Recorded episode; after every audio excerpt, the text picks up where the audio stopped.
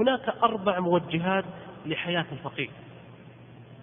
الموجه الأول الفقه رسالة. الموجه الأول الفقه رسالة.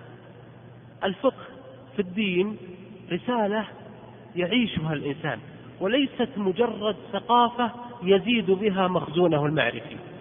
وإلا أصبح الفقه ليس له قيمة كغيره من الثقافات. الفقه في دين الله رسالة يعيش بها المرء. لما؟ لأن الله سبحانه وتعالى يقول في سورة الحديث ولقد أرسلنا رسلنا بالبينات وأنزلنا معهم الكتاب والميزان ليقوم الناس بالقسط. هذه وظيفة الأنبياء والرسل في علومهم هي إقامة القسط. وهذه هي الموجه الثاني. الموجه الثاني أن غاية الفقيه إقامة القسط. يعني الفقيه يدرس حياة الناس.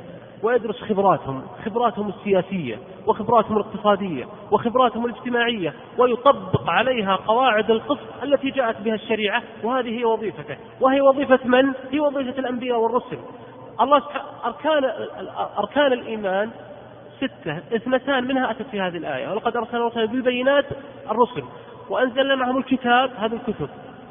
والميزان ليقوم الناس بالقسط. كل ما في هذا الدين هو فرع من فروع القسط وأشرفه هو توحيد الباري جل وعلا وهو فرع من فروع القسط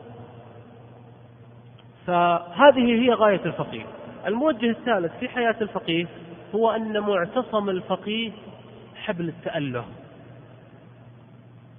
الفقه يقابله الفقه الشرعي في حياة المسلمين يقابل في حياة الأمم الأخرى القوانين الوضعية التي تنظم معاملات الناس.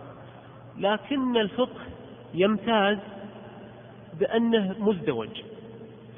فيه قواعد عدل تنظم حياة الناس وفيه نزعة أخروية روحية تربط الفرد بالله. فهي ليست مجرد قواعد مدنية محضة كما في القوانين الوضعية وليست مجرد قواعد روحية محضة كما في الاتجاهات الصوفية والمسيحية ونحوها. ولكنها نظام مزدوج روحي ومدني في ذات الوقت. فهو ينظم حياة الناس ويربط الفرد بالله.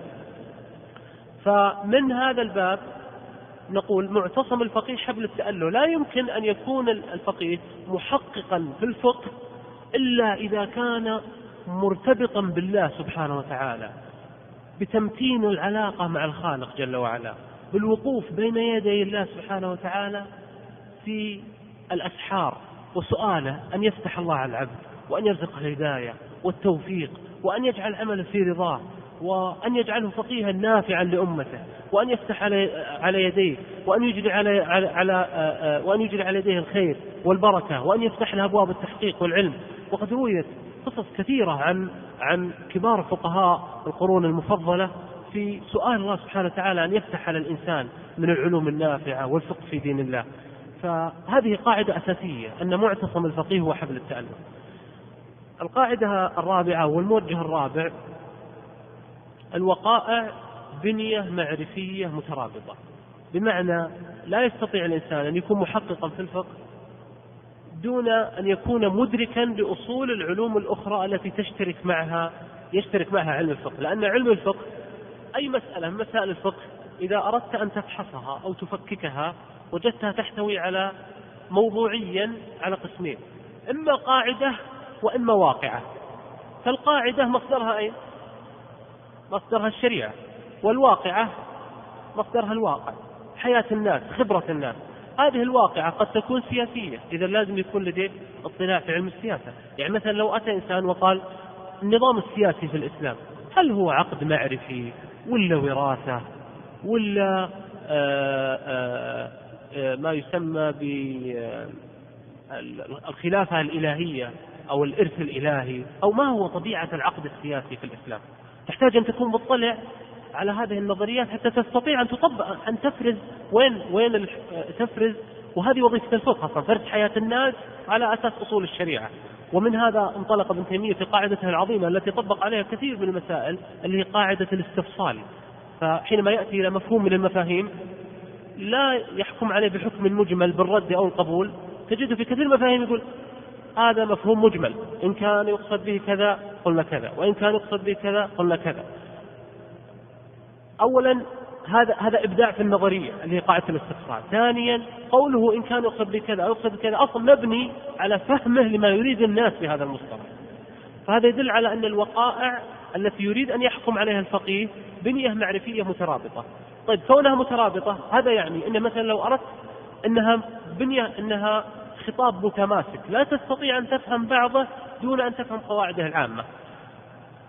فها هنا أيضا يأتي اعتراض. قد يقول قائل إذا كنت تقول أن الوقائع بنية معرفية مترابطة ولازم الإنسان يحيط بأصولها تشتت طالب العلم. أبي يدرس في السياسة كل أصولها وبيدرس في الاقتصاد كل أصولها. ما عاد بقي الفقه هو أصلا ما استطاع أنه يعني يعني يستوعب منظومة جيدة في علوم الشريعة. فهذا مما لا ما, ما لا يطاق. وهذا هذا طبعا هذا اعتراض صحيح ودقيق لكن أنا أقصد آه، أن هناك مداخل في العلوم. المدخل إلى علم السياسة المدخل إلى علم الاجتماع المدخل إلى علم الفقه. هذه المداخل هي التي تعطي الصورة العامة. ينبغي على طالب العلم العناية بالكتب التي تقدم مداخل للوقائع حتى يستطيع أن يحكم عليها حكما صحيحا. وأكثر ما يتسلط وأكثر ما يتسلط على الفقهاء المعاصرين في فتاواهم بجهلهم بالوقائع. وهذا يتحول إلى إدانة لعلوم الشريعة وهذا خطير.